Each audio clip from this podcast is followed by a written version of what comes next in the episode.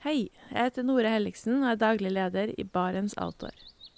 Det beste vi kan gjøre for planeten, er å redusere forbruket vårt og få mer ut av det utstyret vi allerede har. Men vi vet av erfaring at bruken av telt kan endre seg over tid.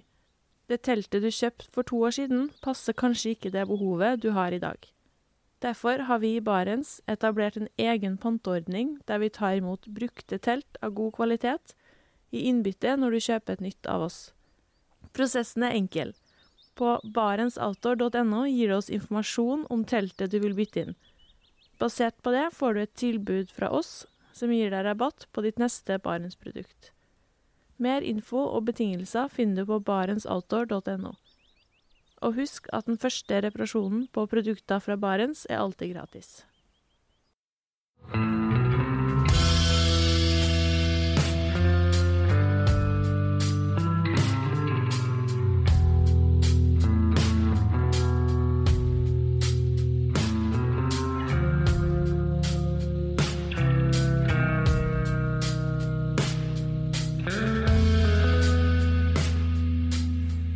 Hei og velkommen til podkasten Uteliv. Mitt navn er Randulf Valle. I dagens episode så skal vi snakke om å gå på ski. Gjerne langt og lenge. Utafor løype, og kanskje også å gå fort.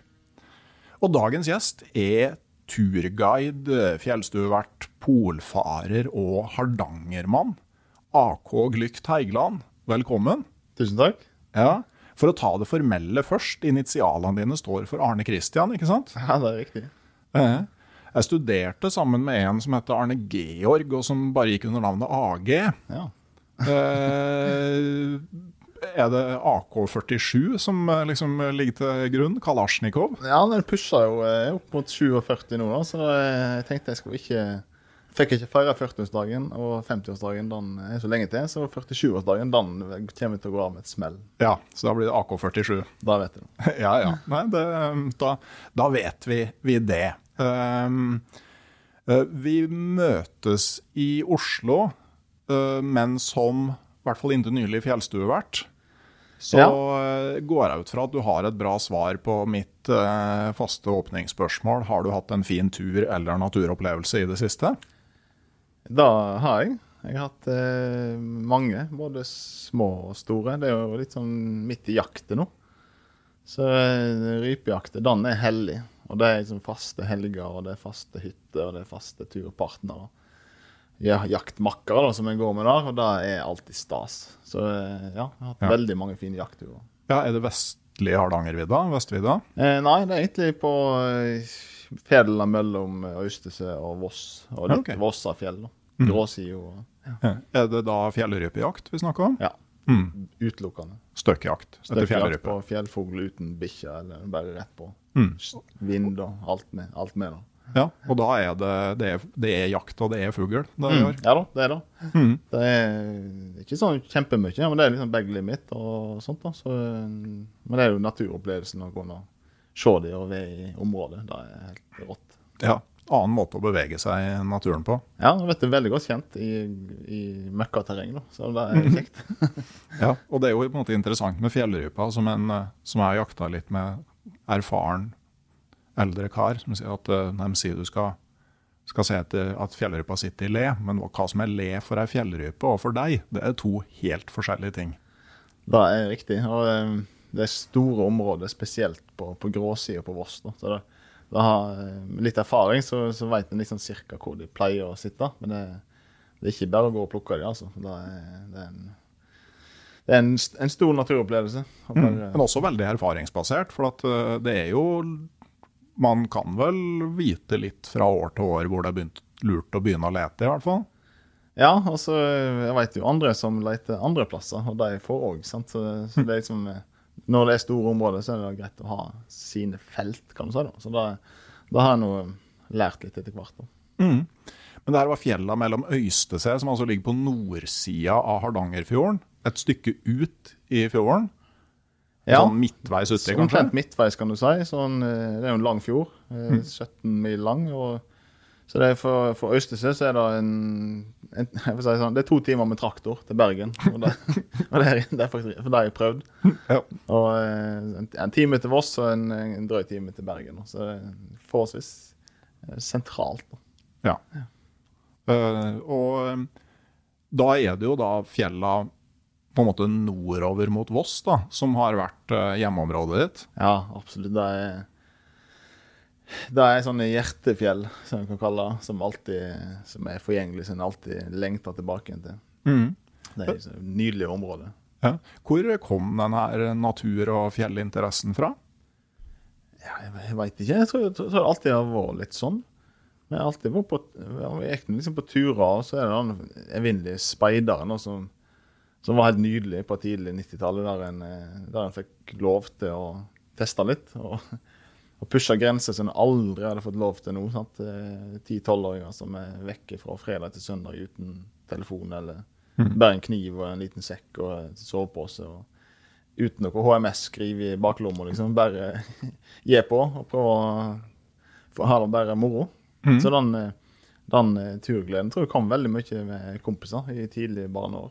Og med og far min, som gikk på ski, da, ofte med eh, halv dårlig utstyr og dårlig vær og, og sur kaffe. Og, nei, det var liksom sånn, det var ikke Hva var det han sa i går? nå? Det går an å gå på tur uten å ha det moro. Og det, det, det, er, det er noe med det. Det er litt sant i det. Ja, og, men, men, men samtidig så tenker jeg sånn herre øh, Du òg uttrykker jo da sånn grunnleggende en sånn glede over slit.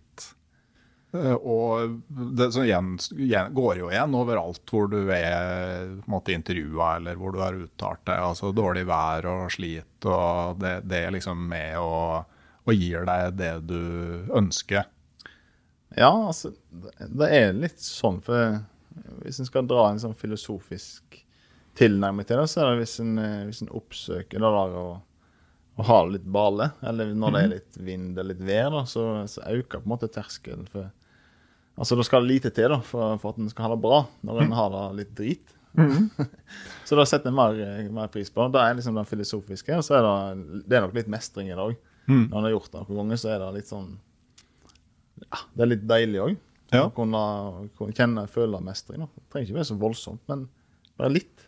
Ja, men jeg tenker sånn, nå har jeg jo nettopp vært innom Dag O. Hessen, som eh, har fått litt der med sånn evolusjonær forklaring på, på hjernen. da. Altså De gårdene på Vestlandet de ble jo delt opp mange ganger, og det var jo stor utvandring til, til USA.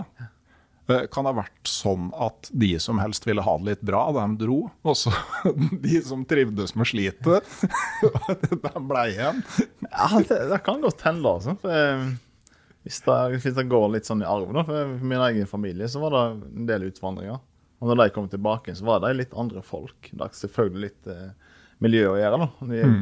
når det er sånn businessfolk i Seattle som møter den gamle rusken med, med dårlige sko på, hjemme på Teigland, så er det selvfølgelig litt, litt eh, motpoler der. Men ja, kanskje det er noe i det, ja. Så vil jeg vel også tro at de som kom hjem på besøk fra USA, hadde jo også et sånn behov for å vise at de hadde lyktes. Kanskje litt sånn uavhengig om de hadde lyktes eller ei.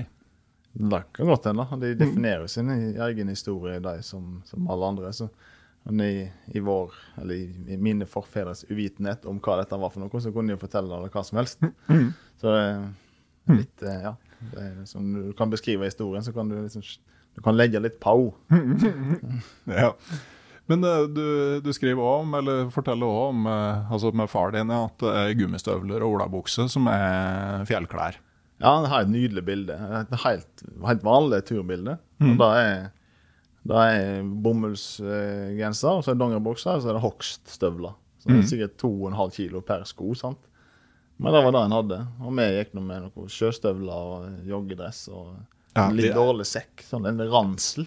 En sånn klassisk ransel som gneg i alle retninger. da. De der hvite sjøstøvlene uten mønster under, altså, altså olabuksa kunne man på en måte klare seg greit med, men de her glatte støvlene som egentlig var for sjøbruk, det hadde jo sine sider.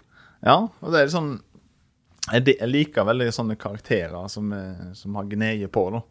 I, som, er, som er eldre enn meg. Da syns jeg liker veldig mange av dem. Og så er det hjemme i et fjell der det er om å gjøre å springe fortest opp. Og så er det òg noen som er veldig flinke å springe ned. Mm. Og han som har sprunget fortest ned, han likte best å ha utgått eh, joggesko, for da kan han skli på steinene nedover. Det er tøft. Det, Ja, er- Da det- er du harding, altså. Det, det er brutalt. Det var en sånn historie fra Det var jo et løp over Besseggen i si tid, og det var noen sånn landslagsløpere i langrenn som leda på toppen. Men det var en reingjeter som eh, tok, deg, tok igjen den der langrennsløperen på vei ned igjen. da. Det- Det er tøft. Det er Sånt liker jeg skikkelig godt. Jeg har gått på hjortejakt inne i Hardanger. da. Um, så er det en vegløs um, fjordarm som heter Fyksesundet, og innerst i Fyksesundet heter det Botnen. Og Der, eh, der bor det en og en halv eh, person. Er En som bor fast, og en som er sånn eh, halvskild som bor der. Mhm. Eh, men de som er der inne, de, eh, de er helt rå. De, de har gått både opp, opp og ned med dem. De går fort opp, men de, går, de springer jo nedover. Mm. Så det var to brødre. Han ene, han, eh, var med, de var med på et løp, begge to. Han ene, hva var det de sa? Han ene han springer til han stuper, og han broren han springer til han dauer.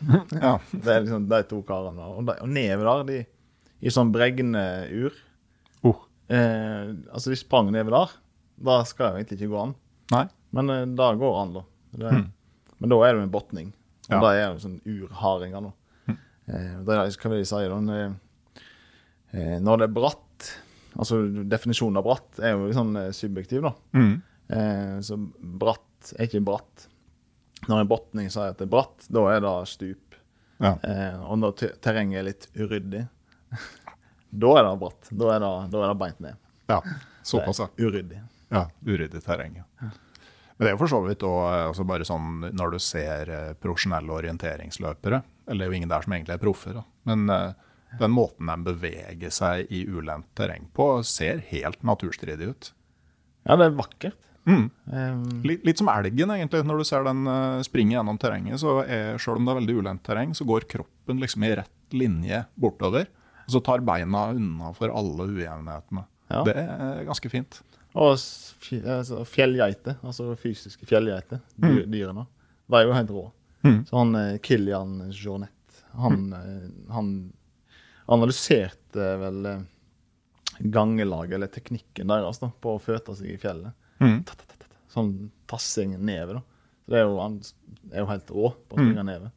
Så det er jo tøft. Men det hadde vært tøft med en- reinsgjeteren mot Kilian ned Jeg tror- uryddig terreng Jeg, ned jeg tror sjøl de skulle fått litt problemer der. Det, Ja, det, det, det tror jeg òg. ja. De hadde i hvert fall ikke fulgt den ned Fivaruta i Trollveggen på ski. Nei, det, det, er for, det er ikke for alle, det der. Heldigvis. Nei, det er ikke det. Men samtidig, ikke sant, det der området uh, hvor du kommer fra, altså Hardangerfjorden, det er jo utrolig sånn Det er ikke et område av Norge jeg har vært mye i, men jeg var forbi der litt ute i juni, og da er jo fruktblomstringa for lengst forbi, altså den frodigste tida. Men samtidig, når du kommer inn i Eidfjord og eh, litt oppover dalen langs Veig og, og Bjoreio, så er jo tydelig at det er masse snø inne på Hardangervidda. Voldsom snøsmelting og enorme vannmasser. Altså, så det er en voldsom sånn kontrast fra fjorden og til platået, som egentlig ikke er så langt unna. Ja, det er sant. Altså, eh, det var, las en sånn reiselivsartikkel. og Noen hevder at fjordene i Norge er mer kjent enn Norge. Ja. Eh, og det er Jeg velger jo med å tro på den, selvfølgelig, som kommer derfra. Mm. For Hardanger det er en av mange fjorder. Det er jo veldig flott bløming, og da handler det litt om historie. Som de har tatt altså gamle munker og eh, forskjellig som kom med frukttredene innover til fjorden og bosatte seg. Og, og det vokste godt. Og det jeg tror det er over 85 av alt areal i Hardanger-kommunene er over 300 meter over havet. Ja. Så det betyr det er masse fjellområder. Men, men det er jo mye fjord òg, og mange bygder, så det betyr at det er jo bratt. Mhm. Så det går jo beint på. Mm. Og da er det litt sånn så eh, Altså, solen speiler på fjorden opp i disse bratte sidene, så får du en veldig god, god godt grunnlag for, for fruktdyrking. Mm. Så da har en jo funnet ut, da. Så det er jo helt vanvittig flott. i den blømingen. Du har de hvitt på fjellet, grønt på bakkene, lammene gjerne har kommet ut. Bløming er midt i der, og ja Dame i bunad og alt med, da. Da er det, det er nasjonal, nasjonal romantikk på, på det beste. Altså. Da er vi stolte av å vise det fram. Ja. Eh, Men eh, for deg oppvokst på nordsida av fjorden, altså, hvor lang tid går det, det gikk det da før du måtte oppdage og begynne å utforske sånn som Hardangervidda, eller for så vidt da Folgefonna, som ligger på, på andre sida av fjorden? Ja, Folgefondet var jeg ikke på før jeg var voksen. Det er liksom noe du ser bort på, så, men det er liksom på andre sida. Så det er så mye moro hjemme at den eh, liksom hadde ikke ærend på den sida der. Der var det skianlegg og bergensere og sånt. og da er, Er det litt det samme som du er fra Innlandet? Der er jo hvilke sider du er fra Mjøsa. Er jo, eh, det er jo, om du er fra Oppland eller Hedmarkssida, det er jo veldig viktig. Er det- sånn i Hardangerfjorden òg? Om du er fra nord- eller sørsida? Nei, jeg vil ikke si det på noe vis, egentlig. Alle er på en måte hardinger. Men, men eh, ja, vi hadde på en måte vår egen lekegrind. Mm. Bare da en sånn 25 minutts biltur til en plass heter Kvamskogen. Da er det forferdelig mye hytter. Og flotte turløyper, da, som trakk av løyper. Men eh, det er ingen jeg kjenner som var der. Vi var ikke der. Nei. Vi stanga nå på i våre egne fjell. altså Da var liksom bergenserne sitt, selv om det, er selv om det på en måte er innpå Hardanger. da. Men Mhm. ja, bergenserne sitt, og vi kunne dundre på på Skarpenuten og sånne plasser. Der var ingen andre, selvfølgelig. Nei. Typisk, Litt typisk eh, hardingen. Litt, litt formelt, men òg litt sånn litt blyg. Og holder med kjeft eh, på å sitte på enden av bordet og sier ikke så mye. Nei, men, òg litt sånn generelt typisk, tror jeg, at folk på de fleste plasser har på en måte tur, jakt, fiskeområder som hører til det stedet de bor, og som de ikke beveger seg så langt unna. For eksempel i Finnmark, da, hvor eh, altså, bor du der, så er du på tur der. Og bor du i nabobygda, så er du på tur et annet sted. Og eh, og, det, og gjerne litt sånn der sesongvariasjon at tidlig på vinteren er du der, og sent på vinteren er du der, men du bytter ikke noe utover det. Så det er jo kanskje litt det samme. Ja, og det er liksom definisjonen av våre fjell. da. Jeg tror det handler litt om mentalitet, for det er jo ikke per definisjon våre fjell. Men en, eh, da kjenner jeg iallfall for meg sjøl at det, mine fjell er de fjellene jeg har, og områdene jeg hadde gode opplevelser i, i barndommen og ungdommen, som henger igjen. da. Så det er noe en oppsøker. Når en har vært vekke for en stund, så får en abstinenser, rett og slett. altså. Ja. Og sånn var det med tantene mine og onkler og all verden. Sånn, når de kommer hjem, så må liksom, før de setter seg til bord, så må de være på da. Må opp og sparke i grusen oppå de riktige fjellene. Mm. De, deres fjell. Våre fjell. Ja. ja. Nei, det har vel med røtter å gjøre. Mm. Men eh, eh, altså sånn med Hardangervidda, altså den, den har jo på et vis en sånn slags dualisme knytta til seg. Det er jo den som skiller Østlandet og Vestlandet. Men samtidig så binder jo de landsdelene sammen med gamle ferdselsveier. Ja, og jeg har vært så heldig at en har fått gått en del turer eh, fra vest mot øst. Mm. Og opplevd eh, gjennom tre-fire-fem dager. da. Der har du liksom kryssa vidda. Du går liksom fra eh, regelrett fra fjorden, altså. Mm. Disse fertelsårene går jo helt ned til fjorden. Eh, og du begynner i vestvidda, er jo helt annerledes enn når du går et par dager, så er det nesten flatt. sant? Mhm. Så du, det, her- det jeg syns jeg er veldig stas. Altså når du går, liksom, du merker at du endrer, endrer det du ser på, for, nesten fra time til time. Du går ifra et karrig, litt høgdedrag og litt krevende dalføre, og så går du inn på mer på, på flata vidde. da. Mhm.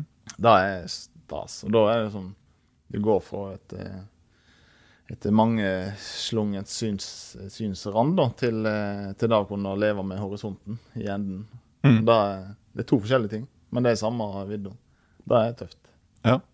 Og du har jo på en måte hatt tre litt sånn konkrete turprosjekt, kan du si, på, på kryssing der. Altså du, du, du, du gjorde deg jo i 2021 på en måte eh, mer kjent i den her lille andedammen av, av friluftsfolk. eh, måte, da du leda ei gruppe på elleve personer fra Lofthus til Oslo for å gå på besøk til dronninga. Ja, det var prosjektet sitt da. Det var Ja.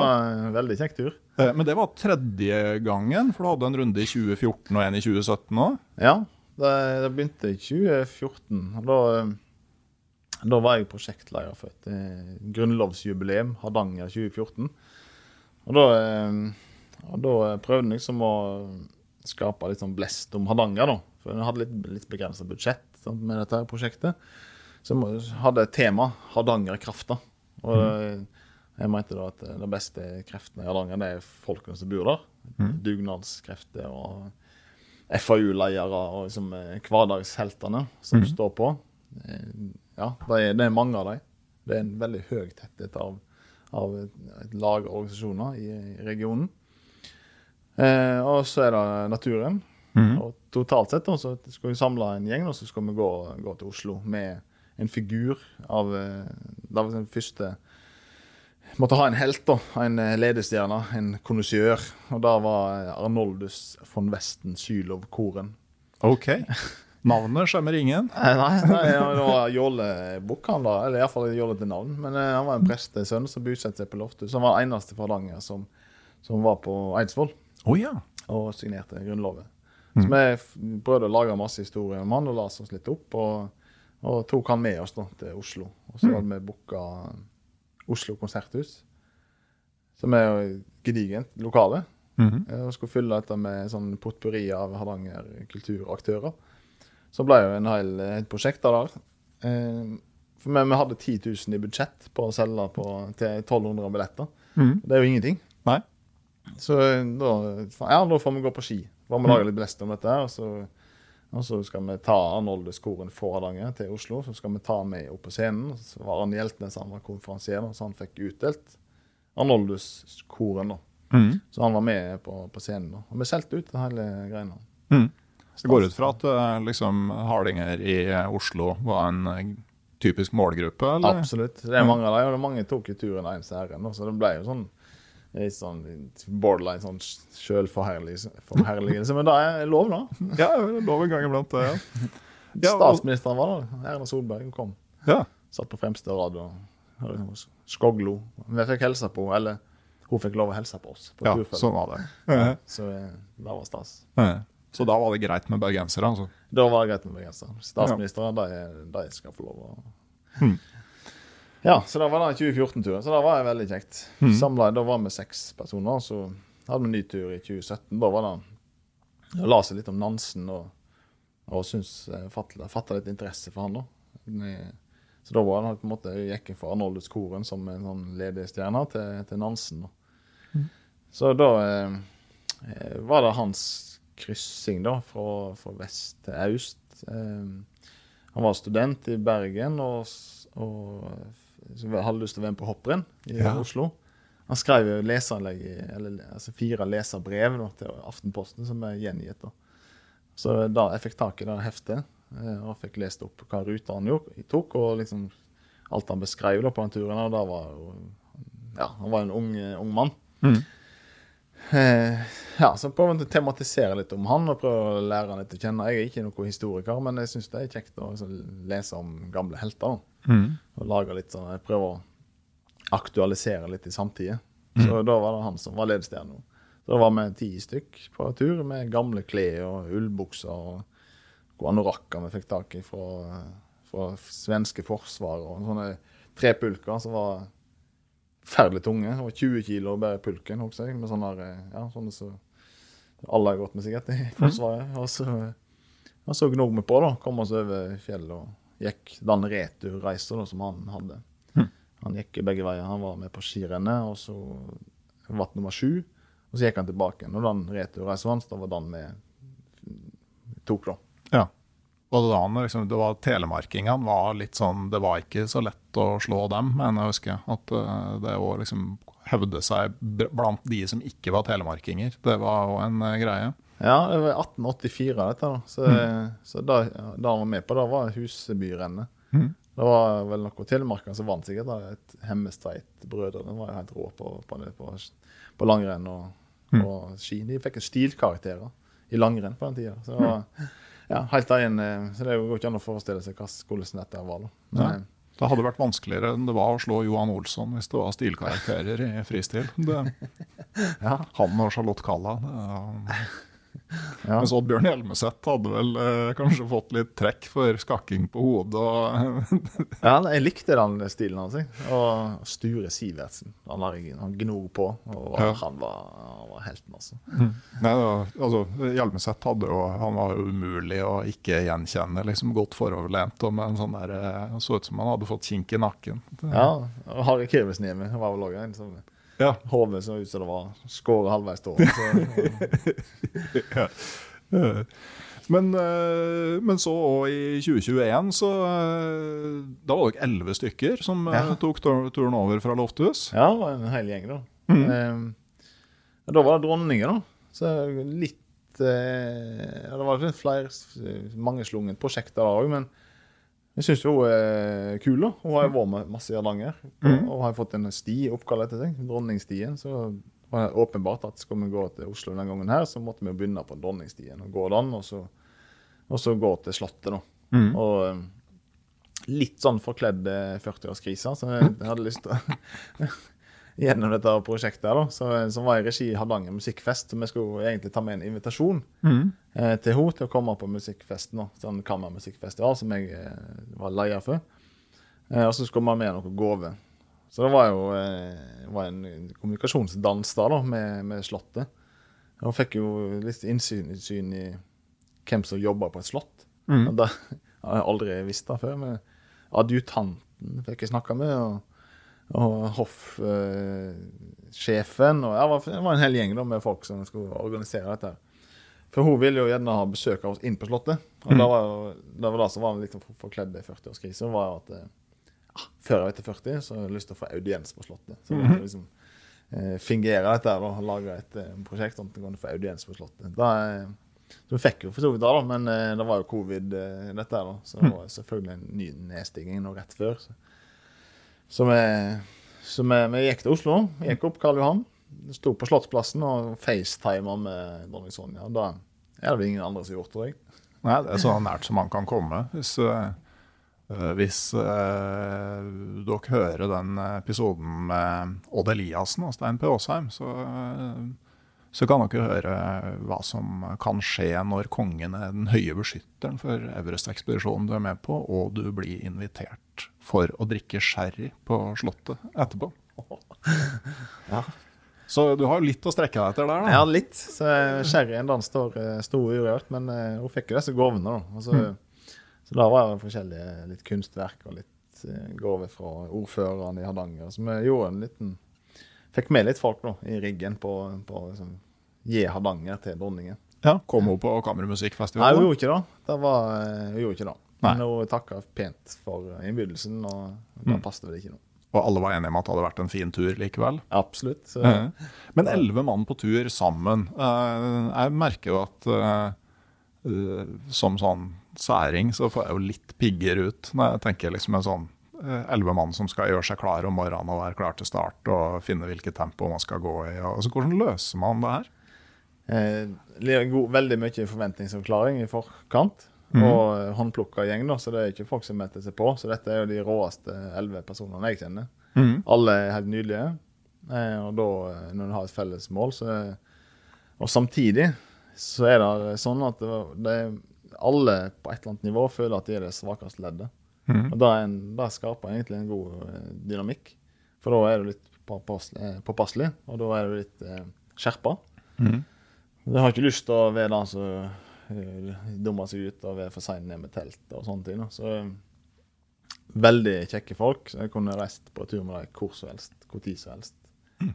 Men, men hvor, hvordan organiserer man en vanlig dag altså på, når man eh, er på en tur med såpass mange? Eh, faste tidspunkt på, på avreise og inndeling av teltlag. Og vi hadde vel et par treningsturer òg, og sånn bare en del av oss iallfall. Um, gikk rundt Hallingsgave i januar. Det var helt nydelig. Eh, s- ja, så um, Og litt sånn uh, fordelt ansvar per person, og gjennomgang av utstyr, så alle visste hva de skulle. Mm. Og så hadde vel et par nett inne òg, sånn at en ikke bare var i telt. Eh, Ja, men det er en lang tur, da, sånn sett. Men eh, ja, det, det gikk egentlig veldig bra. Mm. Det er faste tidspunkt, da. Så Hadde dere satt opp dagsetappene på forhånd, altså hvor dere skulle komme til hver dag? og sånn? ja, vi hadde mål per dag. For vi, vi måtte ha det. For at eh, vi hadde litt arrangement underveis og litt sånt vesen, da. Og så er det litt eh, kjent eh, trasé en del av det, som kan i hvert fall eh, Ja, vi veit sånn cirka hvor lang tid det tar. Mm. Med mindre det er masse ny snø eller et eller annet kødd. Så, så eh, vi hadde vel en eller annen plan B som vi måtte iverksette, for det var jækla surt over Hallingnatten. Det var sånn sludd og eh, sånn 18-20 sekundmeter Uff da. og imot. Mm. Og da, da, da fikk vi brynt oss litt, så da går en i to rekker. og da, nei, To, to framme med GPS-en framme, og så bak, og sånn at en har kontroll på alle. Mhm. For det er, det er ikke alle som har telt med sånt i Nei. sin, sin eh, pulk, så liksom, da må alle må være med. Mm. Så da er det bare inn i hetta og gnage på. Mm. Fikk jo flotte bilder, da. Var en som en som begynte å få sånn der sånn frost, eller sånn, ikke frost, men da bygde det seg opp en sånn der eh, istapp midt i panna hans. For da trakk det på hetta. Da han liksom kanaliserte all, all veto og all kulden inn på ett punkt. så det ble bare større og større og større. Så det endte med at han fikk en sånn der eh, en sånn enhjørning. Så da, da syntes vi, da må- måtte vi le av han. Mm Mhm. Så han prøvde å knekke tåa, altså, men det gikk ikke. Så han prøvde å liksom slite han av hele den enhjørningen. Så ja, ja. Sånn, eh, sånn det er kjekt å terge folk litt på tur. Det Kan, kan bli en enhjørning før du er framme, ja. Men, men eh, så dro jo du og eh, Kjartan Bergsvåg til Sydpolen i 2022. Var det allerede i planlegging da du gikk den turen her, eller? Eh, ja, det Mhm. var det. det. Vi visste at, vi, at det var vi to som skulle gå da. Mm. Var, han, var Kjartan med på den uh, turen til Slottet òg, eller? Ja, Mm. Mhm. Mhm. ja da. Eh, det var, det, og han òg liksom, har ikke gått på tur med så mange før, så, men eh, ja, han trives, han. Men, eh, men eh, den turen vi hadde lagd, den har vi planlagt eh, ganske mange år, egentlig. For av ulike grunner som skubba litt på, men så plutselig så åpna det seg. Nå skjer det. Mm. Og så eh, Det er en del løyver og litt sånt, da. Så, og litt logistikk som må til. Og eh, ja, og litt flere konstellasjoner og prosjektvinklinger på hele Sydpolen. Men jeg var veldig, veldig letta og veldig glad når det ble oss to som Mm. skulle gå. Han er, helt eh, rå. Han har rette innstillinger til, både til livet og til turlivet. Og Mhm. det er, det er viktig. for Turlivet handler om de tolv timene du er på, på ski. Og god holdning til livet. Da er det tolvtimene du har i teltet. Så Ja. at en har, ja, har respekt for hverandre og eh, har det bra i lag. Mm. Det har veldig mye å si, ja. Det, det er jo en del som har kommet seg til Sydpolen, men ikke har hatt en bra tur. Ja, og det er så, så trist. Så Mm. jeg, jeg har hørt flere versjoner da. Så. Men det var vi veldig bevisste på, da. For, egentlig for dag én. At en skulle ta vare på det. At Mm. skulle være venner når vi kom fram. òg. Kjente dere hverandre godt før dere dro? Ja, men vi hadde bytt eh, to nett i telt i lag før. Mm. Men eh, det hadde ikke vært så annerledes om vi hadde bytt 20 nett i telt. For meg, det, det er liksom et Magefølelsen lyver ikke. Og Magefølelsen Nei, var at dette her eh, Altså, han har gjort mange store turer, han. Mm. Så han kan det der med å være lenge ute og eksponere seg og være en, en tøffing, nå. Mhm. Men uh, dere tok med Nansen dit òg? Ja, det var eh, delvis sånn historisk fundament, og delvis noe å lene seg på, og delvis litt sånn åndsverk. At den ikke bare, altså Det er jo alle, alle som sier at de går til Sydpolen for, på, på vegne av noen andre. Jeg lyver litt, for at alle går litt for seg sjøl òg. For det er jo eh, masse mestring og masse intern Det er alltid en, alltid en brøk der. ja. Ja. Eh, det er mange variabler i den ligningen. Det var en, del, en eksen eller y-en der, der var Nansen, da. Eh, Som jeg hadde lyst til å, å ha der med. Eh, og gjorde det da for så vidt så skikkelig som en kunne. Mm. Ja, for det er jo turen han ikke fikk gjort, da. Ja, så gikk jo liksom Jeg prøvde å finne kjelde, da, på eh, Egentlig så jeg går dette ganske langt tilbake i tid, for, for eh, det ble nevnt i flere sammenhenger at han hadde planer om å komme seg til Sydpolen eh, etter at han ikke greide å komme seg til Nordpolen da, i 1893 til 96. -hmm. Og, um, og det var to kjelder på det. Eh, På at han hadde konkrete planer, så gikk jeg, reiste jeg til Nasjonalbiblioteket og fikk eh, først god hjelp av Anders Bakke, eh, verdens beste mann, Ja. eh, på, eh, på å prøve å finne noen kilder. Mhm.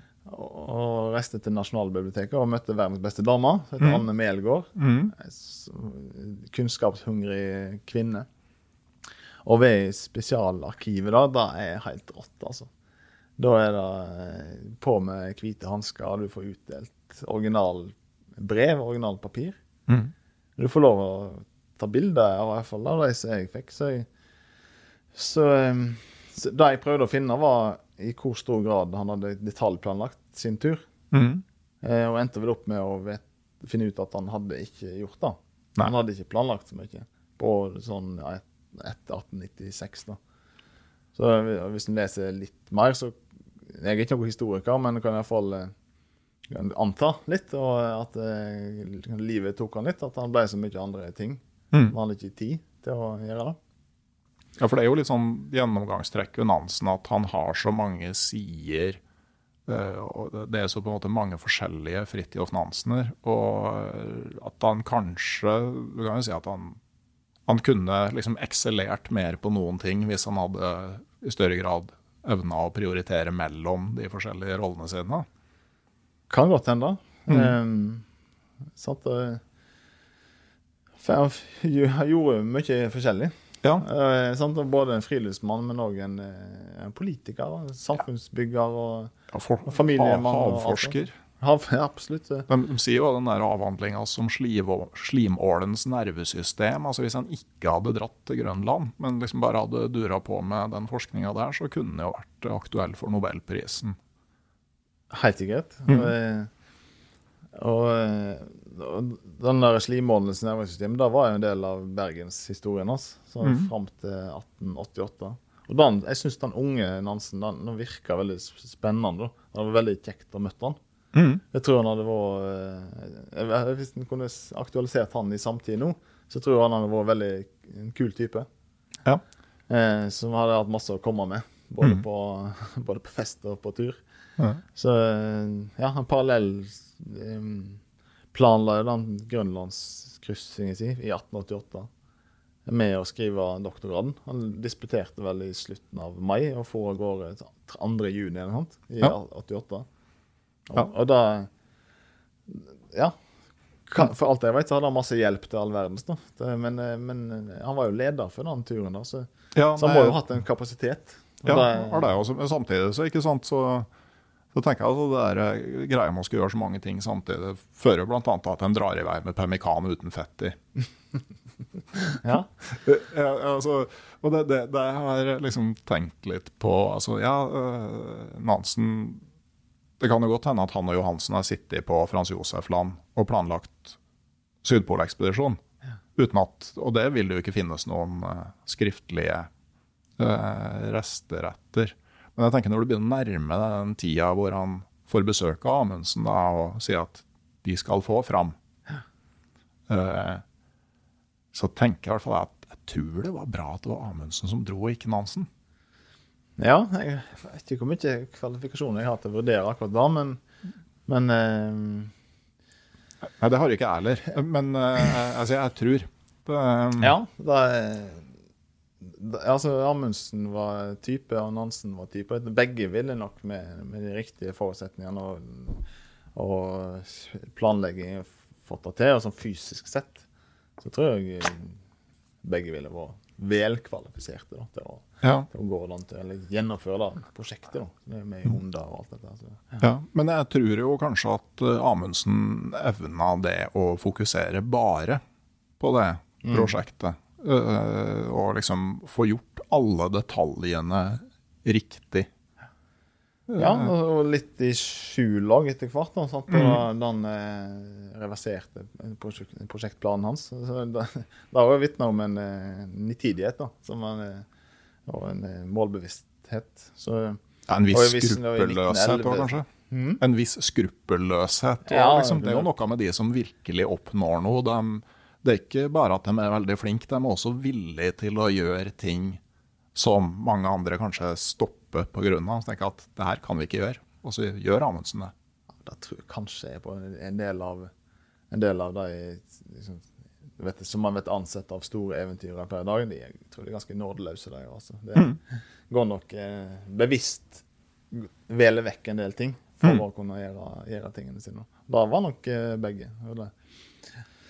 Så, men altså i 1911, da, hvis en skal helt konkret, hvem av de både Nansen og Amundsen som vel var best egnet i 1911? Nansen var 50. Eh, Amundsen var vel ni år yngre, da, så han var bedre egnet, sånn sett.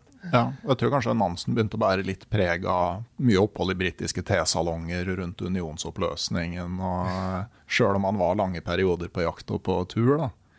Ja, og da hadde det vært Da vet jeg kanskje en ekspedisjon sjøl, når en bi- bikker 50, og reiser på britiske tesalonger i Nansen sine fotspor. Da, da vet jeg prosjektet. Først AK-47, og så eh, det går med et smell da, og så vet du da tesalonger og vetlefingeren opp. Få litt, få litt grønn te. Ja, det kunne jo være noe. Men jeg tenker også at altså, en ting for Nansen er at Amundsen tok eh, Sydpolen, men samtidig så mista han jo det der, Det var da plutselig ingen som gjorde en ny runde med oseanografiske målinger i Nordishavet. Jeg tror kanskje det svei på sikt like mye for Nansen som det å ikke få Sydpolen. Det kan godt hende. Det er vel eh, ja, Jeg har lest noen av brevene mellom De skrev mange brev. Nå på hva var det, 150-årsdagen, eller hva det var. Det var jeg får- så en del brev nå mellom Nansen og Amundsen gjennom ja, ja, fra tidlig 1900 fram til ja, midten av 20-tallet. Ja. Det var en god del brev. Og det er en litt sånn en tone, da.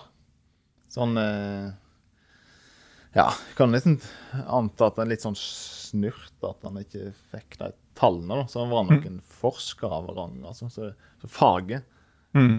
hang nok høyt, sånn som jeg sånn som kan Ja. kanskje tolke litt. da. Ja, Så vidt jeg husker, så var jo det utstyret de hadde for å ta vannprøver på den første framferden, var ikke sånn helt optimalt. Så feilmarginen i temperaturmålinger og sånn var såpass stor at eh, det, det ødela en del for beregningene. Og så hadde de fått nytt og bedre utstyr til eh, 1910-11.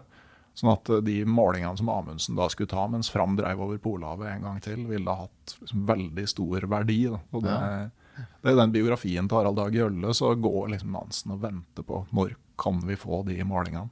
Så kommer Ja, de aldri. kan, kan du skjønne det. da. Altså, mm. Hans åndsverk brukte jo fryktelig mye tid på, på det. Sant? Så kan du skjønne da, at det, når først hadde apparatet i sving, at en, at en er litt snurt at en ikke fikk, fikk inn det. Mm. Tenk på her, han sitter og beregner vannmengden som kommer fra de russiske elvene inn i Polhavet. Og liksom prøve å sette opp en sånn massebalanse for Polhavet. Hvor kommer det her ut igjen, og hva kan vi ut fra det slutte om? eh, på en måte Hvor dypt det må være. og eh, Det er, det er relativt eh, komplekst, altså. Ja, i hvert fall eh, helt, eh, helt klar på at den delen av Nansen, den skal jeg, den skal jeg ikke prøve å kopiere.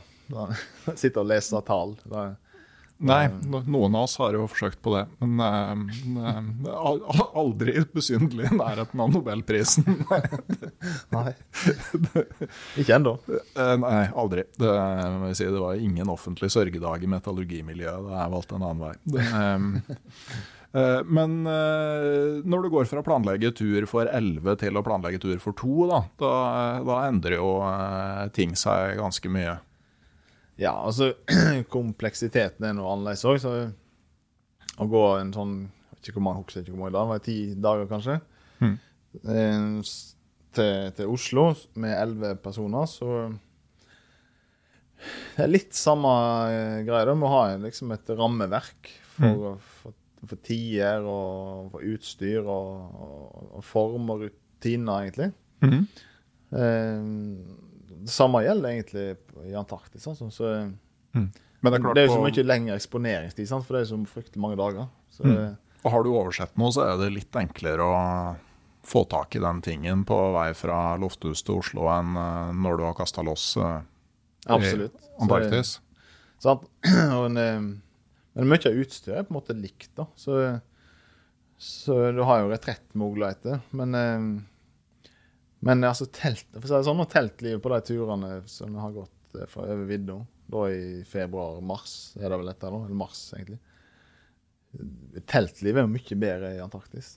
Ja, for det er sommer og midnattssol. Så, Ja, det er helt nydelig. så det er godt, godt og varmt inni teltet. Veldig godt og varmt. Og det er, det er så tørt. Sant? Det blåser liksom ikke snø inn i kanalene. og Det er liksom ikke Det er ikke noe kondensproblematikk eh, heller? Nei. For det har tørka så godt opp inni. Mm. Ja, det, det, det var helt nydelig, altså. Satt, og det er jo ingen som forteller så mye om det, for det, alt skal være så kaldt i Antarktis. Men, men han var veldig åpne på at det, det var helt fantastisk. Ja, eh, klart. T-skjorter kanskje, eller alt tørka ganske fint òg. Ja, for det er noe av de beste turminnene jeg har. Det var da Bengt Rotmo og jeg var i Nordvestpassasjen. Vi starta 8. mars eh, på nordkysten av Canada. Ja. Eh, og på den første etappa så hadde vi kjøpt noen sånne her, eh, små, sånn, uh, ganske sånn krydra spekkepølser på tilbud på Coop-en. Og, og litt sånn blyantstørrelse. Og så når vi kom inn i det der lave Hellsport Svalbard-teltet med 90 cm takhøyde, og fyra opp primusen og satt og grilla på den der mens, mens varmen kom igjen i kroppen. Ja. Og det å tenke på da at i Antarktis så slår det opp teltet, og så begynner sola å varme opp, det, det, det har jeg ikke helt forstått, tror jeg. Nei, altså det var større forskjell enn jeg hadde trodd. Jeg hadde lest om det, og Ja. folk hadde fortalt om det. Eh, men det var slående, altså. Og det er ganske stor forskjell på hva side du er i teltet òg. Ja. For s- eh, vi slo jo opp teltet i samme retning hver dag. Mm. Og vi hadde jo selvfølgelig hver vår side. Sant? Det er jo når vi er på rutiner igjen. da. Sant? Og den der varmen i ryggen når du satt ikke på kjøkkenet og forberedte smelting og middag, den var helt fantastisk. Den Mhm. gode varmen som slår inn over ryggsøyla når du er sliten, den var helt rå. Og så endret, snur solen litt, sant? og så Kjartan hadde på en måte den første halve natta da det var supervarmt. Før da liksom kom over på min side, da så jeg hadde morgenen der var Mm. måtte åpne posen og sånt. da. Ja. Sikkert 20 grader forskjell altså på hver side i teltet. Ja, og jeg tror jo altså det der eh, er jo Min teori er den soloppvarminga som du får i et telt, det er i stor grad direkte strålevarme. For at det kan jo Altså, det er jo såpass varme eh, Altså diffusjon eller konveksjon i et telt da, at hvis Altså, lufta kan ikke være mye varmere på den ene sida enn på den andre. Jeg tror det er rett og slett at du treffes direkte av solstråling gjennom eh, teltduken, og at du gjør det på den ene sida, men ikke på den andre. Mm, ja, det er åpenbart. For, det, Mm. for sånn var det. Altså, Det var strålen. Altså, du så jo nesten skar gjennom teltduken og rett inn i posen. Mm. Og var ja, helt rå følelse altså, når du får den der, den der varmen.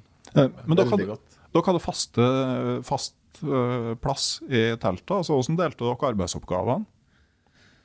Eh, da egentlig eh, fra vi, eller fra vi sa ti, Mm. eh, når vi hadde gått de ti, eh, den tiden vi hadde bestemt oss for den dagen at vi skulle gå, så var det i maskineri, altså. Da var det grov kuldegrope først. Eller han gjorde det. Han begynte alltid med det, mens jeg bar teltet. Så jeg tok det av og klargjorde plugger på alle på sidene. Og så, eh, når han var klar med, med kuldegropen, så setter vi opp teltet, og så justerte det bare rett oppå. Og du slipper å stå inni der og krangle ut av snøen. Feil balle. Og så eh, traff vi. Det var jo jubel da, hver gang en traff skikkelig på første forsøk. sant? Og, og, så det var en god rutine på det. Og så var det inn, og da få i gang brenneren og begynne å smelte. Og da satt han alltid på den kjøkkensida, mens jeg satt på min, min side. Og så brukte sikkert en- varierte litt da på på, på, på det, eller, hvor langt vi hadde kommet på turen. Det ble mer og mer frost inni klærne etter mm. hvert som det ble kaldere. og sånt. Så var det jo børsta alt eh, fritt for rim og skjære av sånne isvodler overalt. da, så Eh, ja, så eh, hive ting på tørk, og så, eh, og så mat. Og så, eh, når vi hadde ete Han lagde all maten, eller han smelta snøen til maten. Og så åt vi samtidig. Og så tok jeg sist, eller kveldsskiftet måte med å smelte opp til dagen etterpå. Mm. Ja. Så hva hadde på en måte samme fordelinga hele veien. Ja, utenom julaften. Da var det litt sånn eh, For da var det noe ringing og sånt. Og da ble det sånn Nei, vi må, vi gjøre sånn som vi gjør hver eneste dag. den der eh, tryggheten i å, å ha den der eh, faste rutinen, det var helt topp. Mm. Ja. Ja. Bengt og jeg, vi bytta, så vi hadde en dag hvor du gjorde alt. Oh, ja. Ja, Da bytta vi plass i teltet. Oh, ja. Inn, den som lå innerst eh, lengst unna inngangen, hadde ingen oppgaver fra du gikk inn i teltet til du gikk ut igjen neste dag. Da hadde du helt fri. Ja. Den andre smelte alt som skulle smeltes og lagde all mat, inkludert frokosten. Ja. Og så bytta vi neste dag. Ja, ja men det For fant liksom en av og på, da. Ja, vi fant ut at det, det, det er ikke så mange oppgaver at det trengs to personer. Og det er bedre å ha helt fri en dag. Ja, nei, vi surra på med litt hvert vårt. Jeg hadde vel den der oppdateringen av ALE og Mm. oppgi posisjonen og alt dette greiene her. Det var jo litt styr, egentlig. Må ringe hver eneste dag. Så det var litt heft med det. For av og til så hadde vi lyst til å gå lenger. Ja. Men da måtte vi liksom skunte oss og sette opp teltet. og Vi gadd liksom ikke fiske Å, ja, opp telefonen og så ringe og så gå videre. Nei, og det holder ikke med sånn Garmin in reach-melding. Nei, den må du òg Nei, den heller ikke. Så, du, så den sender hver andre, fjerde time, den ALE Invision. Og så hadde vi en sjøl som jeg Mm. skrudde på og sendte noen meldinger hjemme og sånt. da. Eh, og så var det en litt satellittelefon så som måtte ringe inn posisjonen samme tidspunkt hver dag. Fikk kjeft da, selvfølgelig, for av og til så var vi litt seine og glemte det. og Mm. Vi var på tur, så vi hadde jo med oss eh, whisky med. sant? Og da glemte vi å ringe. At vi satt nå og koste oss med.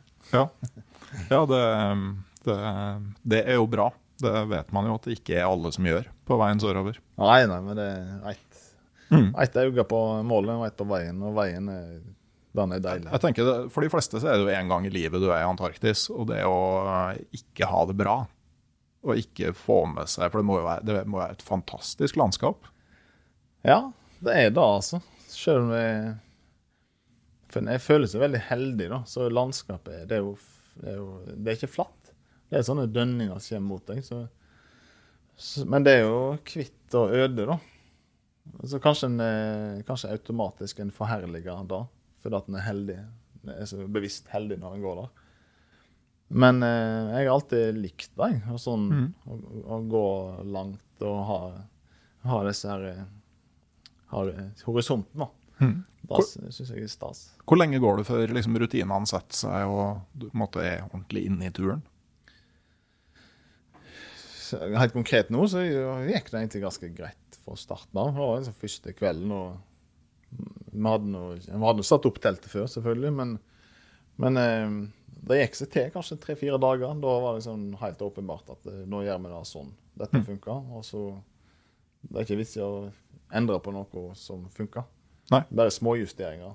Som er, så eh, jeg, han sto klar med teltposen når jeg, i det, akkurat i det øyeblikket jeg var ferdig med å rulle sammen. det er sånn. Og eh, han sto klar og åpna spulken min for å smette det inn. Og, ja, så vi sa ingenting på det der minuttet. Da Og det er jo litt sånn trygghet, da, for da gjør en hverandre gode. Mm. Det er fint da, når rutinene setter seg sånn. Ja. Og dere holdt svært bra tempo på slutten av turen, sa jeg. At, uh... Ja, det ble, liksom, det ble litt sånn. Jeg, vet ikke jeg, plan, jeg hadde egentlig planlagt omvendt. At vi skulle gjøre akkurat det samme hver dag, og så skulle vi komme fram når vi kom fram. mm. Men så uh, ble det litt sånn der uh, Ja, vi lukta vel champagne nå i mål. litt, litt sånn. Eh, så da gikk vi på, da, siste par da, eller par døgn, eller hva det var. Jeg husker ikke. Det var vel noen- en del timer. Vi lot, lot ved å sove siste natta. Mm. Så vi gikk en hel dag, og så satte vi opp teltet og fikk smelta litt eh, snø og åt litt. Times tid, og så gikk vi bare videre. Og så, da bare gikk vi til vi kom fram, liksom. Mm. Så det var vel en Jeg husker ikke, men det var en 90 km, kanskje, i, ja, i smella. Ja. Hæ. Og så plutselig er det over. Ja, det er Så vi eh, visste jo hvor langt det var igjen hele tida. Og da hadde vi lest litt, da, at vi skulle egentlig kunne se Sydpolen, eller se bygningene og sånt, mm. med sånn 22-23 km ifra. Det gjorde vi ikke, for da var det var mye ned, eller det var dårlig vær den dagen. Vind og drit, egentlig, den dagen. da. Eh, Så det var òg en myte at, at ting skulle være så rolig på de siste to breddegradene, for 88-89. Men eh, da man har vind hele veien med. Iallfall da. Døgnet vi styrte på der. Men vi så ingenting. Og så, men vi så det når vi var sånn tre-fire kilometer, fire-fem kilometer ifra. tror jeg da vi så det. Mm. Og da eh, måtte vi gå en liten omvei, da. For det er sånn flystriper du ikke har lyst til å krysse. eller litt sånt, og så, så er det et punkt du må peile på, og så er det, da er det noen sånne flagg da, siste par kilometer, tror jeg. Og da var du ser, Nå vet jeg aldri nærmere, så det er, det er seige fem kilometer. da, de mm. siste fem kilometerne. Så hadde vi liksom tenkt på det lenge, da. Om vi kommer til å få en, en sånn slags følelsesmessig reaksjon når vi kommer fram og skal klaske i denne kula og sånt. Men da, da fikk vi ikke. Nei.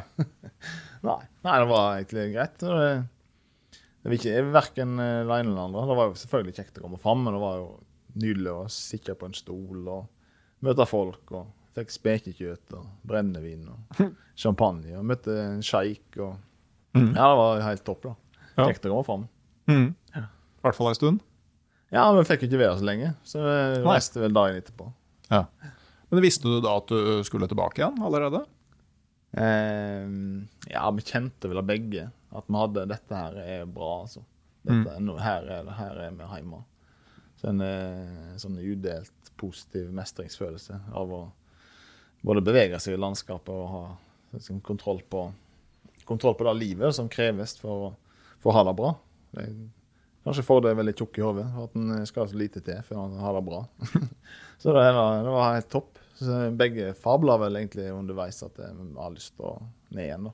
Mm. Gjøre, ha mer i meg. Mm. Så Snakker for meg sjøl, da. Så jeg, ja, jeg har bare jeg har mer, jeg har mer i meg, så jeg har lyst Jeg skal ned igjen. Ja.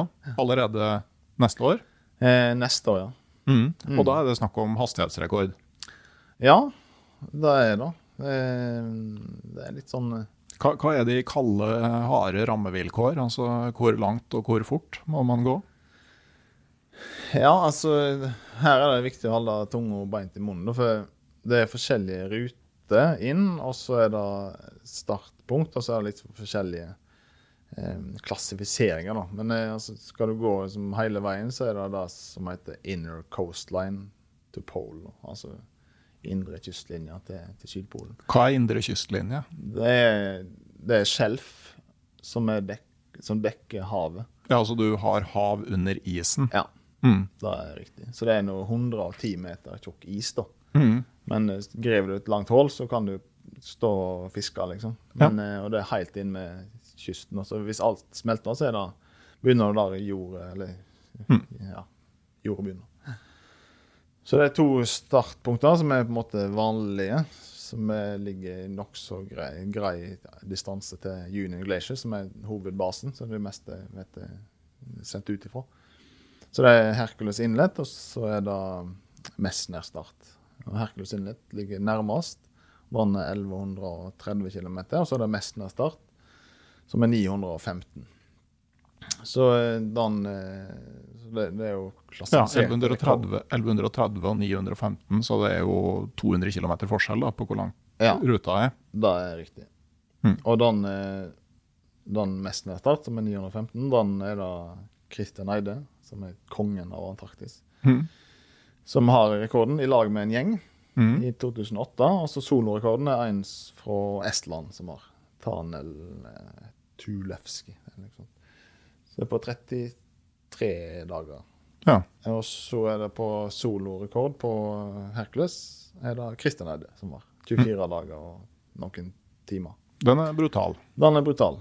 Og i år så er det en, eh, en veldig kjekk kar som heter Vincent Colliard, eh, Ja. som skal prøve å ta den rekorden. da. Ja, bare 24 dager på 1100 km. Ja, du pusher 50 i snitt da, for dagen. Ja. Og det betyr at liksom, går du tre mil en dag, så må du ha to seksmilsdager. Mm. Og blir du værfast en dag, så må du ha to dager på sju og en halv mil. Ja, det er seigt. Så det er små marginer, så alt må på en måte klaffe. Mm.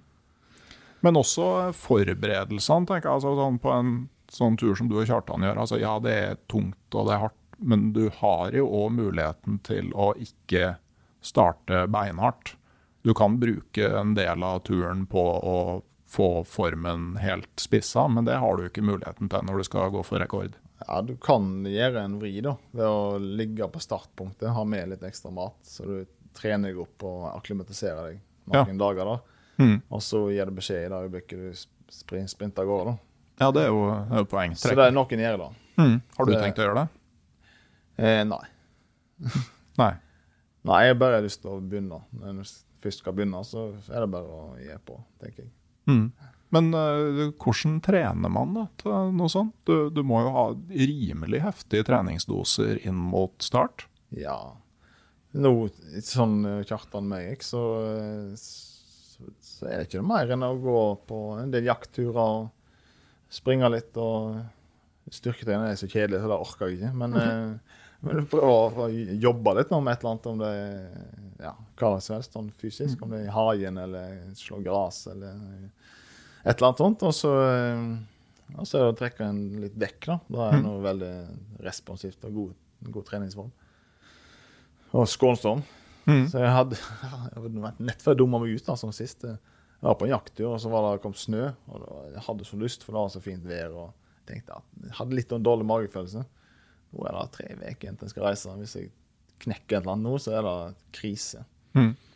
Selvfølgelig da, så slapp jeg meg ned i en sånn der eh, mellom to steiner og knuste kneet inn i en, en Jeg vridde til inn i en stein. da. Og, Ai, ai, ai. så jeg måtte jo halte meg ned der og hadde litt dårlig følelse. Men det gikk akkurat, da. Mm. Så jeg fikk litt eh, behandling og Du er ikke så høy i hatten når du ringer Kjartan og forteller om det, ikke sant? han, han, han, eh, han er jo helt rå, så han har ikke trent i det hele tatt. så han, Men altså, selvfølgelig trener han. Han er snekker og bonde og sagbruker, så han trener jo hele tida. Ja. Han er jo beinsterk. Mm. han er en bjødden. Men han hadde ikke, han hadde ikke gått på ski eller trukket noe dekk eller noe. Nei. Så han lagde ei T-skjorte da, til, til Lars Ebbesen. For Lars Ebbesen han eh, hadde jo 'Unarmed to the Pole', South Pole, Ja, med Cato Zahl med Pedersen. Mm -hmm. Eh, og Kjartan fikk tweaka til den der logoen. eh, 'Untrained to the South Pole'. og det er så nydelig, det er øyeblikket. Det er, Lagde, Men, eh, ja. lagde en episode med Bjørn Tommeren, som som uh, gikk jo Norge på langs sammen med noen kompiser. Og de hadde da konkurranse i å være i dårligst form til start. ja, det hørte jeg. Ja, det er, ja, nå går deg i form. Nå må jeg bare gå deg i form. Da. ja det, så han, eh, da kan jo dere som ikke har hørt det, bør jo eh, sjekke det ut. Da, for han, tror eh, Polkabjørn vant den konkurransen i å være i dårligst form til start. Ja, nei, men vi valgte iallfall å begynne nokså rolig, da. Mm. Så, så men det var, gikk vel en tre-fire dager, fem kanskje, før vi var oppe i liksom, antall timer vi hadde lyst til å gå. da. Ja, hvor mange timer var det? Ja, da, vi hadde åtte økter uansett. Vi økte aldri til flere økter, men vi økte bare lengden på øktene. Mm. Så vi begynte med sånn fem økter, og så var det fem og en halv, og så seks, og seks og en halv, sju, og så bare opp åtte. da. Mm. Så i- på slutten var det vel åtte ganger 75 eller noe sånt. da. Ja. Så da fikk vi pusha timene. Så det er i tidsramme tolv timer, da. Mm. Da er du fra, fra åtte til åtte, liksom. Ja. Men da rekker du fortsatt liksom å gjøre det du skal gjøre, og få sove i hvert fall nesten nok. Ja, nesten nok. Mm. Men nesten nok. Mm. Jeg, men jeg tror begge vi to er, er ganske, ganske OK på, på drift av kroppen, men ikke sånn enormt med søvn. da. Mm. Det, det går greit. Kjøler nede. Så det er ganske tynn luft på slutten, så jeg fikk litt sånn eh, problem med lunge og, og det var ilt å puste. da. Mm. Kaldt. Sant? Og, så gå litt på, da. Så fikk jeg noe kalde lunger. Ja. Men det, det gikk nå greit. Mm. Men uh, hva tenker du? Dere gikk jo da uh, omtrent ni mil i en smell på slutten. Ja. Eh, hva tenker du liksom For jeg går ut fra at man, man tenker jo når man kommer til et eller annet punkt på et sånt rekordforsøk, så er det bare å gå til man kommer fram. Er det liksom på 100 eller 150, eller er det på 200? Jeg, veit ikke. jeg. Helt hvordan der kommer til å utspille seg. Det kommer litt an på hvor gode dager en har hatt i forkant. Mm. Men, eh, men eh, jeg tenker å ha et distansemål på 50 per dag, da. Mm. For nå er det faktisk sånn at i dag eh, så bestemte jeg meg for å For jeg har liksom eh, hatt et mål om å, at den, eh, den solorekorden på, på eh, Hercules den er på en måte norsk. Det er Christian som har. Den er mange sier at den er uslåelig. Mm. Eh, mens den andre er da han estlenderen. Så jeg har lyst til å pushe flagget litt framfor meg. da. Flagget Mm. skal gå litt igjen. Jeg skal ha flagg som trekk på pulken, eksempel, Litt sånt da. Mhm. Så eh, det hadde vært kjekt å tatt en for laget. Eh, på Messner start, og så tatt den. Men så har jeg bare Det har vekslet på meg, da. Når jeg først skal legge så mye i det, så, så er det sånn når de to rutene som jeg, altså, Av to krevende ruter, så er det ei som er litt lenger. Mm. Så da er det et ord som jeg har hatt jeg har likt lenge, da. Som heter 'honorificability tudinitatibus'. Mhm. Og da, jeg tror sånn Shakespeare-ord som jeg lærte da jeg var liten gutt. Så bare, plutselig kom det til meg. Det- og da betyr eh, Det betyr å være berettiget, mottakelig for ære. det er ganske eh, fin, fint ord, egentlig. Ja. Og eh, om det er ære altså andres ære, da er jeg ikke så nøye, men det er litt sånn litt sånn litt sjølrespekt og og, eh, og narrativet, da, når først skal, skal gjøre dette, så bestemte meg egentlig i dag at nå får jeg gjøre det, gjøre det skikkelig. Hvis en har sjansen til å gjøre ting skikkelig, så må en gjøre det skikkelig.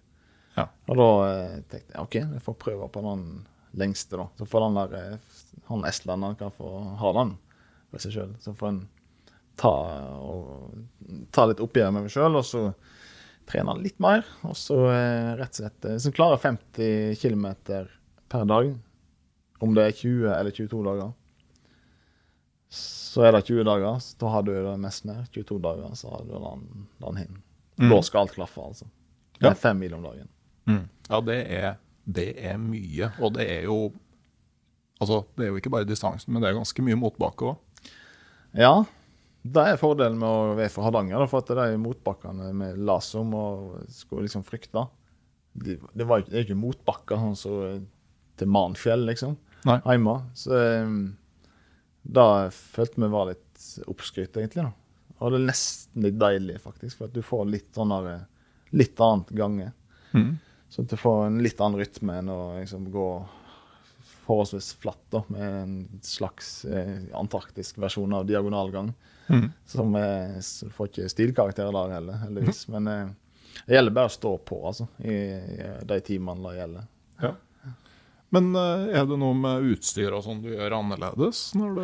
Ja, altså Det, er, det merker vi nok veldig, altså. Og de dagene vi flytta over en fem kilo fra den til den hin Hvis Mm. en hadde en litt eh, dårlig start på dagen, så heiv vi over at vi fikk liksom en god Litt mer framdrift da, den Mm. dagen. da, Og det er jo sånn. Så Mm. merker en da. Ja. Fem kilo.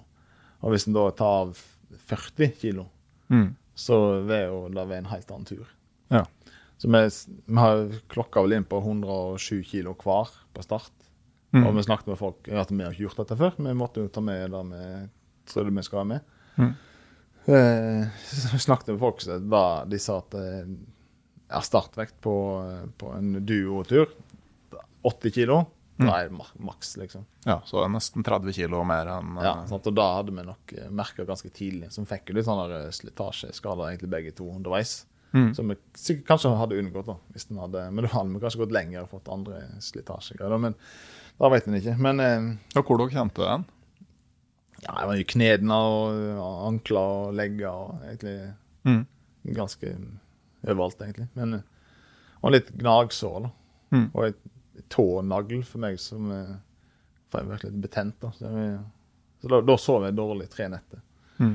Så da, eh, da måtte jeg hive innpå en morfinpille og, og få eh, sove litt. Og ble rusete. Mm. Så eh, ja, ble kvalm. Men jeg måtte bare ut på ski. Det var den beste måten å kvitte seg med morfinrus, lærte jeg. Det er å gå på ski. Ja, ok. Ja. Mm. Men uh, hva du tenker å pine pulken ned i? Altså, for det er jo mange færre dager det Ja. er snakk om, og i tillegg går jeg ut fra at uh, en del av utstyret kan gjøres lettere òg. Altså Den pulken vi hadde nå, den var vel en 9 kilo. 9,5 kilo, tror jeg, bare pulken. Ja. Vi skulle ha en sånn Nansen-pulk, da. Mm. Og Det var en akapulka Acapulca 210, som er en stand, standard skrog. Men eh, trekket skulle være sånn hvit bomull, da. Som Mm. à la eh, la Nansen. Det var jo to kilo bare der. Så vi fikk jo valget. Skal vi ha et sånn, sånn tynt eh, stoff Mm. i hvitt, eller skal vi ha eh, Nansen-stoff i hvitt? Så ja, men nei, to kilo, da skal vi tåle. Så Mm. jeg angrer jo litt på det på dag eh, 26, liksom, men, eh, men eh, så, så eh, Kunne pulk tre- trade det inn mot to kilo sjokolade. Ja, eller lamakjøtt som vi hadde med til, til julaften. Som jeg trodde var spekekjøtt av eh, angusokse fra Argentina. Det var det ikke. Det var rått lamakjøtt. Så det var jo en stor tabbe vi hadde. Så det var julaften sin. da. Rått lamakjøtt og, og bederva ost. Fy fader. Ja, ja. Ja, alt, men det, alt utstyret skal litt ned, da. Mm. Og det er litt kjekt, da. For det er litt sånn eh, Det er litt at eh, veien vet litt til mens den går. Mm. Så eh, ja. Syns det er en del av, en del av prosjekteringen nå, er å finne svært og godt funksjonelt utstyr. For det fins, og det som ikke fins, da må en enten tilpasse eller, eller lage. da. Mhm. I lag med leverandører som syns det er kjekt å hekte seg på noe sånt. Ja, og det er jo en stor forskjell fra, ikke sant, når du tenker på når eh, Børge Ausland og Erling Kagg og den gjengen der starta på, altså hvor mye utstyr som ikke fantes. Ja. Men altså, de, eh, altså hvis Nansen hadde hatt, eh, kunne hatt iPad med seg, så hadde han sikkert det. Sant? Ja, definitivt. Så de hadde altså både Børge og gjengen på tidlig 90-tall og Nansen på, på sine turer hadde nok det beste som fantes. Mm. Men, Eh, og men da, den, har jeg med, og det er jo altså, det er helt helt supert utstyr. Ja, og nå kan du jo gå i butikken og kjøpe det. ikke sant? Altså de, tenker sånn Med sko og en del sånne ting, altså skiutstyr som de i stor grad utvikla sjøl. Mm. Kokeutstyr. Eh, Det var en del sånn eh, arbeid der som man slipper i dag. Da. Ja, du kan, eh, kan bare kjøpe alt, ja. Mm. Men det, men det som det, så, det beste er jo ofte kanskje litt tungt. da. Så, ja, og så skal det jo veldig godt samarbeid med, med Åsnes, da, som er helt eh, fantastiske. Så eh, jeg har lyst til å jeg skal, lyst til å være med og utvikle verdens raskeste fjellski. Hey, hey. Det hadde vært tøft. Ja. Så det er et relevant konsept, eh, prosjekt som kan aktualiseres her. da. Ja, for at eh, å få ned vekta på sko og ski når det skal flyttes så mange ganger, det, Mm. det er jo ikke helt uvesentlig. Ja, absolutt. Eh, Da var både Kjartan og jeg enige om at det skulle vi gått en gang til, så hadde vi ikke brukt alfa og polar. Nei. Men noen valgte alfa, eller alfa en lettere sko. da. Mm. Men heller med noe trekk, da? eller noe sånt? Ja, trekk på den nederste delen. Mm. Ikke sånn oppover leggene, for du svetter liksom fælt på leggene. Så Mm. det er litt for mange lag utenpå hverandre. Det er, Mm. det er så gode klær at det, Ja, nå gikk vi med gamle klær begge to, egentlig. Altså, jeg hadde faen og jakka jeg hadde, liksom. Da var Mm. Jeg tror jeg var 15 år gammel. Mm. Han hadde både bukser og Jakko. Nei, og det er klart Hvis det er tørre forhold, så om det er litt hull på membranen og sånn, det er ikke så farlig, det. Nei, Det må bare solide glidelåser og alt det. Alt det. Mm. Basis man vil god lufting og, og sånn. Så de fleste som går rundt eh, på tur eh, i norske fjell, har nok det beste, eller utstyret godt nok til å kunne gå til Antarktis. Det er min, min påstand. da. Ja. Det Ja, For rent, rent prinsipielt så er vel ikke forskjellene så voldsomme? Nei, det er sånn litt slitestyrke, da. Altså, Mm. Selv det beste vet du sliter. Mm. Og så er det å ta vare på ting. Og altså skidene, eksempel. De behandla vi veldig fint. For Vi hadde ikke med ekstra binding eller ski eller noe. Å nei. Vi tenkte nei, vi skal behandle det fint, og da skal det kunne vare i 40 dager. som vi Mm. brukte. Det skal funke så lenge.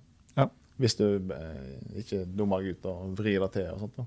Ja. Så det var en halv dag vi gikk på beina, egentlig. For det var så svære skavler. Mm. Det gikk mye raskere å gå på beina og bare danse seg gjennom det Ja. eh, pyramid, eller eh, labyrinten der. Ja. Mm. Hvordan går det med Det er jo ikke en gratistur, det her. Hvordan går det med finansieringa? Ja, det, er den tyngste delen av hele et kvart Antarktis-prosjekt, tror jeg. Da var det jo i gamle dager òg. Mhm. Så eh, Skal du gjøre som Amundsen på Nordvestpassasjen og bare stikke stille fra landet øh, mens kreditorene lurer på hvor det ble av han som skulle betale regninga? Nei, altså, nei, men eh, det er nok litt lettere gang to, da. Um, så en har gode partnere med seg som, eh, som kan aktualisere noe gjennom dette. Som er en, der det er en link. En trenger ikke å trenger ikke å eh, lage en link, for den linken er der. Ja. Og da kan en liksom hjelpe hverandre, og da er det et integrert samarbeid som er kjekt. da. Mm. Trenger liksom ikke å like. Nei. Så det, det er kjekt. Så um, litt ernæring og litt uh, utstyr og litt ja, andre, andre partnere da, som en Mm. Skal lande nå i neste måned. Det er Mm. nå, det er nå eh, høsten før budsjettene for neste år er lagt. Når det er litt, litt summer da, som, eh, som en håper en kan eh, dra inn her, da, så, så er det nå en må gjøre jobben. Mm. Det er det helt sikkert, ja. Mm. Du må jo ha riktig lykke til med forberedelser. Takk. Tusen, tusen takk for at du kunne stille opp her. Er bare hyggelig. Ja. Men jeg spør jo som vanlig, da, eh, helt til slutt. Det er jo for så vidt helt greit å være i Oslo en gang iblant, men eh, hvis du kunne velge helt fritt akkurat hvor i hele verden du skulle vært en dag, et godt stykke ute i oktober, hvor skulle det vært?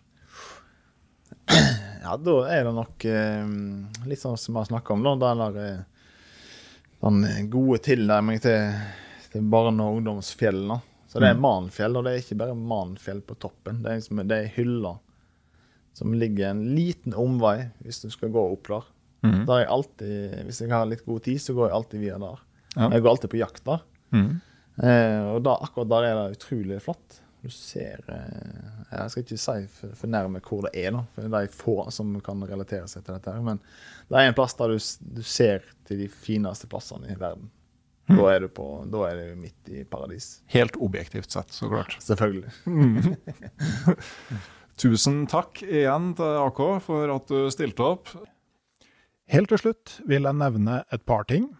26. januar så kommer episode 200 av podkasten Uteliv. Den slippes i første omgang eksklusivt på LP-plate. Episoden blei spilt inn i vår i solveggen på Ånderbu i Ånderdalen nasjonalpark. Og den som satt der i hytteveggen sammen med meg, var ingen ringere enn Moddi. Han spilte et par låter fra det som da var hans ferskeste plate, men òg tre sanger fra ei plate som først kommer til våren i 2024. Denne plata er basert på fotturen hans fra Oslo til Trondheim langs pilegrimsleden. Sangene kryper virkelig under huden på opplevelsen med å gå langt og lenge, og det var nettopp det her som var utgangspunkt for samtalen vår. Plata er trykka i 500 nummererte eksemplarer og kan forhåndsbestilles fra mine nettsider fra 10. januar 2024. Overskuddet av utgivelsen går til organisasjonen Medvandrerne. 25. januar går episode 199 live i lokalene til butikken Revir i Oslo. Med meg har jeg Brageprisvinnende forfatter Tor Boman Larsen og polarguru Anders Bakke. Alle billettene til denne liven er nå solgt, men fortvil ikke, vi har satt opp et event til, så nå går også episode 198 live på Revir. Det skjer på kvelden 24. januar, og gjesten er Bengt Rotmo. Tema for episoden er to fantastiske skiturer, den klassiske kryssinga av innlandsisen på Grønland, og turen fra Cambridge Bay til Gjøahavn i øyriket nord for Canada, i dag kjent som Indrefileten i Nordvestpassasjen. Mange har en drøm om å gjennomføre en lang arktisk skitur, og den har kanskje ikke blitt mindre etter dagens episode. Bengt Rotmo har realisert flere sånne drømmer enn de fleste, og etter nesten 20 år som polarguide, så vet han òg mye om hva som skal til for å gjøre slike drømmer til virkelighet. Hva bør man ha gjort på forhånd? Når på året skal man dra? Hvor lang tid tar det? Hva koster det? Hva trenger man av utstyr? Og hva er Bengts rutiner gjennom en vanlig dag på isen? Hvordan håndterer man risikoen knytta til de her to turene? Hva er fordelen med å dra på en guida tur, og hva skal til for å gjøre det på egen hånd? Og finnes det varianter av de her turene som få eller ingen har gjennomført før? Det er noen av temaene vi planlegger å ta opp. Dette blir en unik mulighet til å plukke opp råd, tips og inspirasjon for den som ønsker å mestre snødekte vidder. Historier og bilder fra turene vil neppe gjøre lysten på å oppleve det her mindre. Vi åpner for spørsmål fra publikum, og det meste av denne kunnskapen er også høyst relevant for en tur i norske vinterfjell. Link til billetter finner du i episodeinfo. Langturkompiser og ekspedisjonsmakere kan bruke samme rabattkoder som på episode 199. Fram mot jubileumsepisoden fortsetter jeg òg med å trekke ut turutstyr og annet snacks blant de betalende medlemmene i det digitale turlaget på Patrion. Det gjør jeg hver fredag. Så langt har jeg delt ut ei dunjakke fra sir Joseph, ei full pakke for utendørs kaffeproduksjon fra Revir, og et gasskokesett fra bunnen av min egen utstyrsbod. Denne episoden legges ut fredag 22. desember, og seint på kvelden i dag trekker jeg hvem av følgerne på Patrion som får et nytt helårstelt til jul.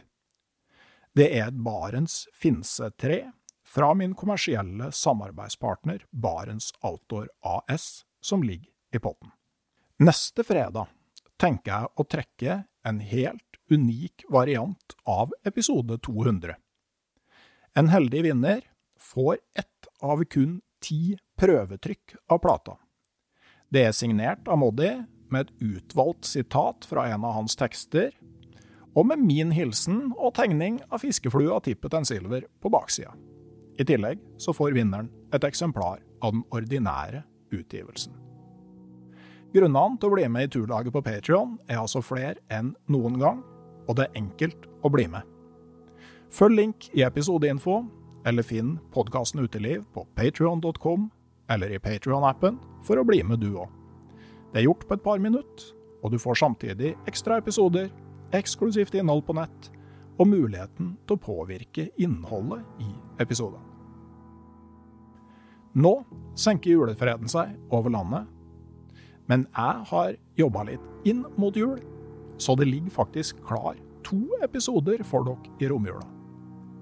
En egen Patrion-episode kommer først, og så en ny åpen episode fredag om ei uke.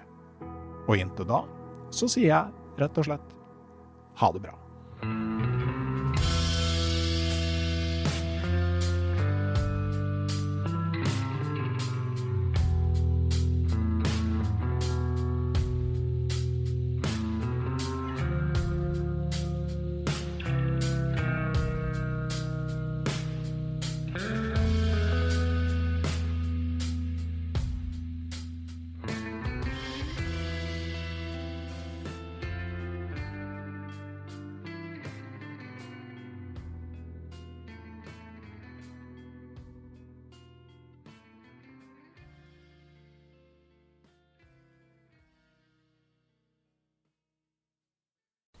Hei, jeg heter Nore Helligsen og er daglig leder i Barents Outdoor.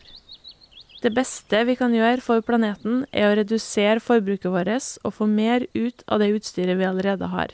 Men vi vet av erfaring at bruken av telt kan endre seg over tid. Det teltet du kjøpte for to år siden, passer kanskje ikke det behovet du har i dag. Derfor har vi i Barents etablert en egen panteordning der vi tar imot brukte telt av god kvalitet, i innbytte når du kjøper et nytt av oss. Prosessen er enkel. På barentsoutdoor.no gir det oss informasjon om teltet du vil bytte inn. Basert på det får du et tilbud fra oss som gir deg rabatt på ditt neste Barentsprodukt. Mer info og betingelser finner du på barentsoutdoor.no. Og husk at den første reparasjonen på produkter fra Barents er alltid gratis.